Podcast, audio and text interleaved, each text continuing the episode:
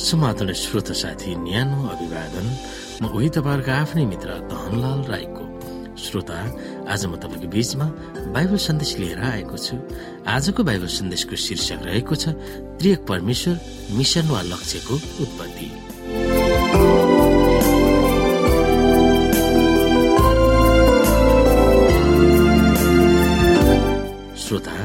बाइबलमा प्रस्तुत गरिएको अनुसार परमेश्वरको लक्ष्यको अग्रज स्थान र केन्द्रबिन्दुमा यसो ख्रिस्ट हुनुहुन्छ जो मुक्तिको निम्ति एउटै बाटो हुनुहुन्छ। ख्रिस्ट आफैले यो घोषणा गर्नुभएको थियो बाटो सत्य र जीवन मने हुन् मद्वारा बाहेक कोही पनि परमेश्वर पिता कहाँ आउन सक्दैन। योहन्ना चौध अध्यायको छ पद। तर त्रियक परमेश्वरको लक्ष्यको केन्द्रबिन्दुलाई यसुले नै बुझाउन हामीलाई सहयोग गर्नुहुन्छ। यसुले जे गर्नुभयो र प्रत्येक कदम जुन उहाँले चाल्नुभयो त्यो उहाँको स्वर्गको पिताको निम्ति वा उहाँबाट भएको थियो।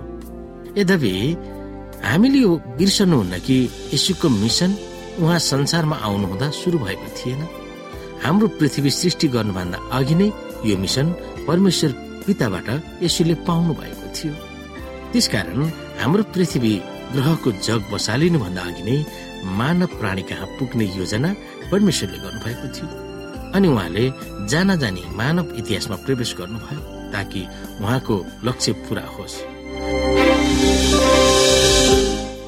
र समय पूरा भएपछि परमेश्वरले आफ्नो पुत्र पठाउनु भएर उहाँको प्रेम प्रकट गर्नुभएको थियो।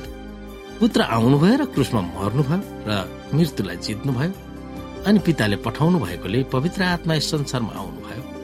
र आज परमेश्वरले आफ्ना जनहरूलाई सशक्त बनाउँदै उहाँको लक्ष्य पूरा गर्न पिता र पुत्रको लक्ष्य पूरा गर्न संसारभरि खटाउनु भएको छ।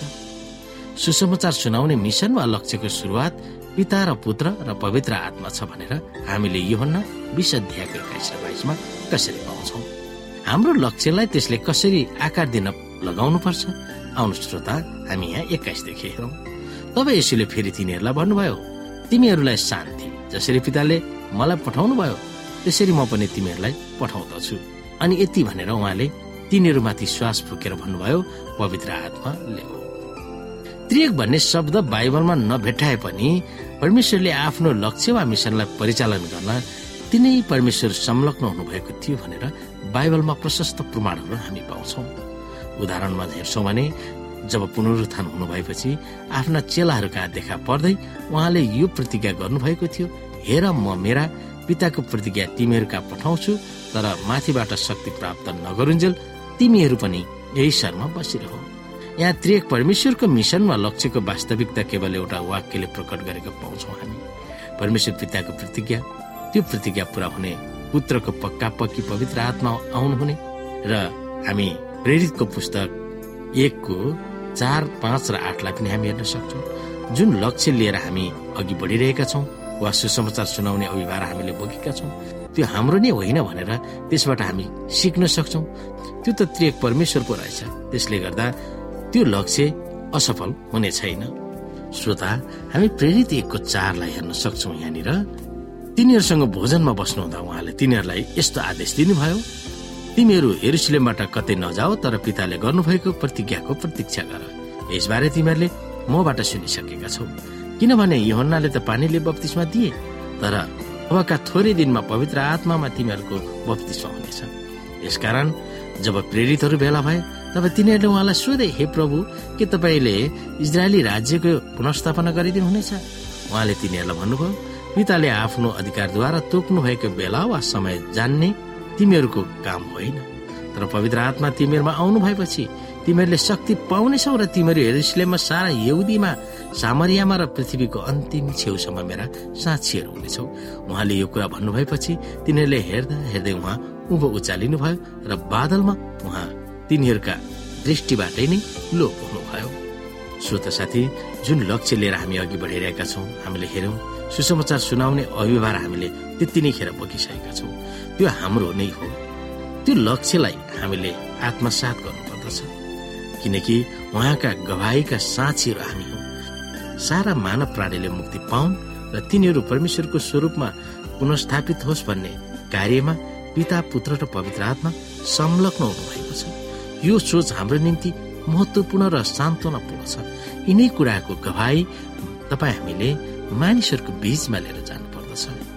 र मानिसहरूलाई उहाँ पुनरुत्थान हुनुभएको कुरा र स्वर्ग रहनु हुनुभएको कुरा हामीले मानिसहरूको निम्ति हामीले गवाईको रूपमा राख्नु पर्दछ तर पवित्र आत्मा तिनीहरूमा आउनु भएपछि हामीले भनेका छौँ तिनीहरूले शक्ति पाउनेछ र एरिसलेसम्म सारा यहुदेमा सारा सामरी र र पृथ्वीको अन्तिम छेउसम्म पनि हामी उहाँका साक्षी र गवाई हुनेछौँ।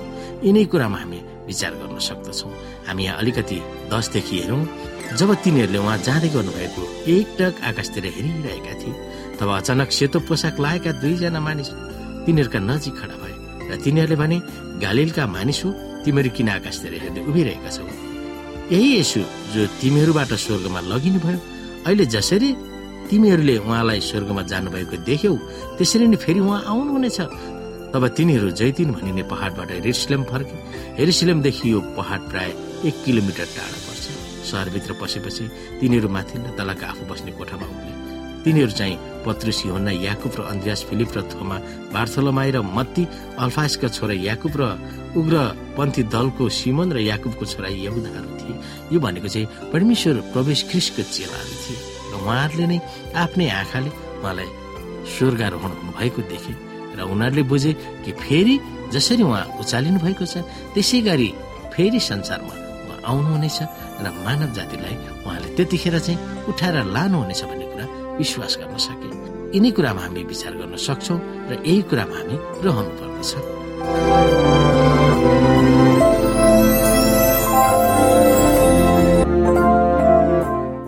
श्रोता साथी आजको लागि बाइबल सन्देश यति नै। हस्त नमस्ते। जय मसिंह।